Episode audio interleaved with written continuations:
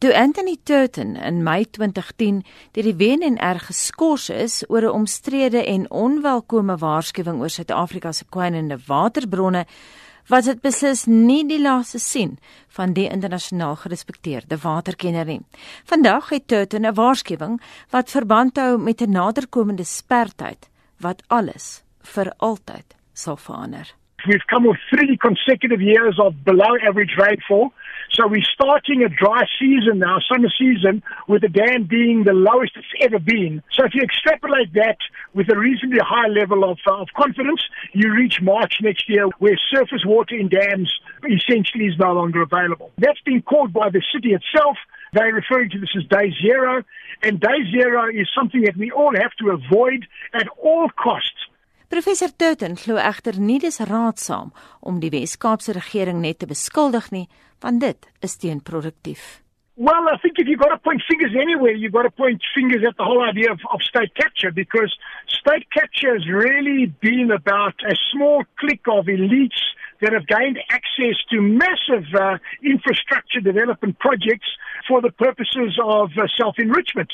So the, the Western Cape is quite a, a small little pixel on a big map. A far bigger crisis is the one in Gauteng, where Gauteng itself is going to be water insecure until 2025 simply because phase two of the Lesotho Highlands Water Project has not been put out to tender. The sole purpose of that was for state capture, for gaining access and control over the flow of massive amounts of money to infrastructure developers. If we get too involved in that conversation right now, it takes our eye off the ball, and then unfortunately Cape Town hits the wall in March next year. Turton sê die groot probleem in Suid-Afrika is die gebrek aan politieke wil om iets daadwerkliks te doen. Since President Zuma has been in office, I've been trying to get him to say the following. Number one, South Africa is a water constrained economy. Job creation is dependent on our ability to mobilize water. Our future, therefore, lies in recycling and recovering technologies. And if we want to go one step further, we've got to set a target for ourselves of 1.6 times that we have to recycle our total national water resource by 2035, and then we will be able to create full employment. Die crux is hier waterherwinning. Once the policy says that because we are water constrained, we recognize recovery and recycling technologies. Therefore, we have to unlock those technologies and we have to make them investable. It's a policy decision that accepts that we are not just living in a situation of a short-term drought, but we are in fact living in a new normal. And that new normal I call business unusual, and nobody really knows actually what business unusual means. Anthony Turton sê enige beleid om water te herwin moet geskoei wees op drie belangrike punte. For example, we've got 50 million people in the country. Each person produces at least 100 liters of sewage a day. So there you've got a substantial amount of water that can be recovered and that needs technology. Secondly is how do we understand the desalination of seawater for all of our coastal cities? And then we find that the desalination technology is similar to what you use in recycling sewage.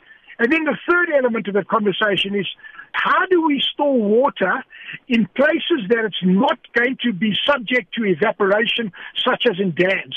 En die antwoord is eenvoudig en logies. Stoor die water ondergronds. The answer to that is a thing called aquifer storage and recovery, where you take water from the surface, take surface water from your desalination process, inject it underground, store it in your aquifers for long terms. In fact, the Australians are doing it for 25 years. So, so, so those are the three critical elements of any national policy debate, and I, I'm pretty sure that with the media on side, that the uh, public will very rapidly be educated in what the pros and cons of those three elements are. In die Suid-Afrikaanse publiek self het professor Anthony Turton sommer baie vertroue. The South African public, in my view, is incredibly aware of this thing. Uh, I just look at what uh, the posts that I've been making on Facebook in the last couple of weeks, the number of times that those have been shared and, and responded to. I think the public is confused by all of the finger pointing and blame game that's going on. That's not helpful at all. So we need to create a new discourse of water that is inclusive, that is non-partisan, that is away from blaming who knew what when and failed to act, because that is completely uh, counterproductive. Die Waternavorsingsraad het reeds voorspel dat Suid-Afrika teen 2030 'n 17% tekort aan watervoorsiening sal hê. Nietemin bly Turton 'n optimis. Well, I'm essentially an optimistic person, and I believe that yes, we do uh, have the ability to turn this thing around. All we need to do is understand that we are fundamentally water constrained and that our future increasingly is going to be dependent on how we mobilize technology in an economically viable way to solve our water problems. We don't really have a water problem on planet Earth because planet Earth is mostly covered in water. We have a salt problem.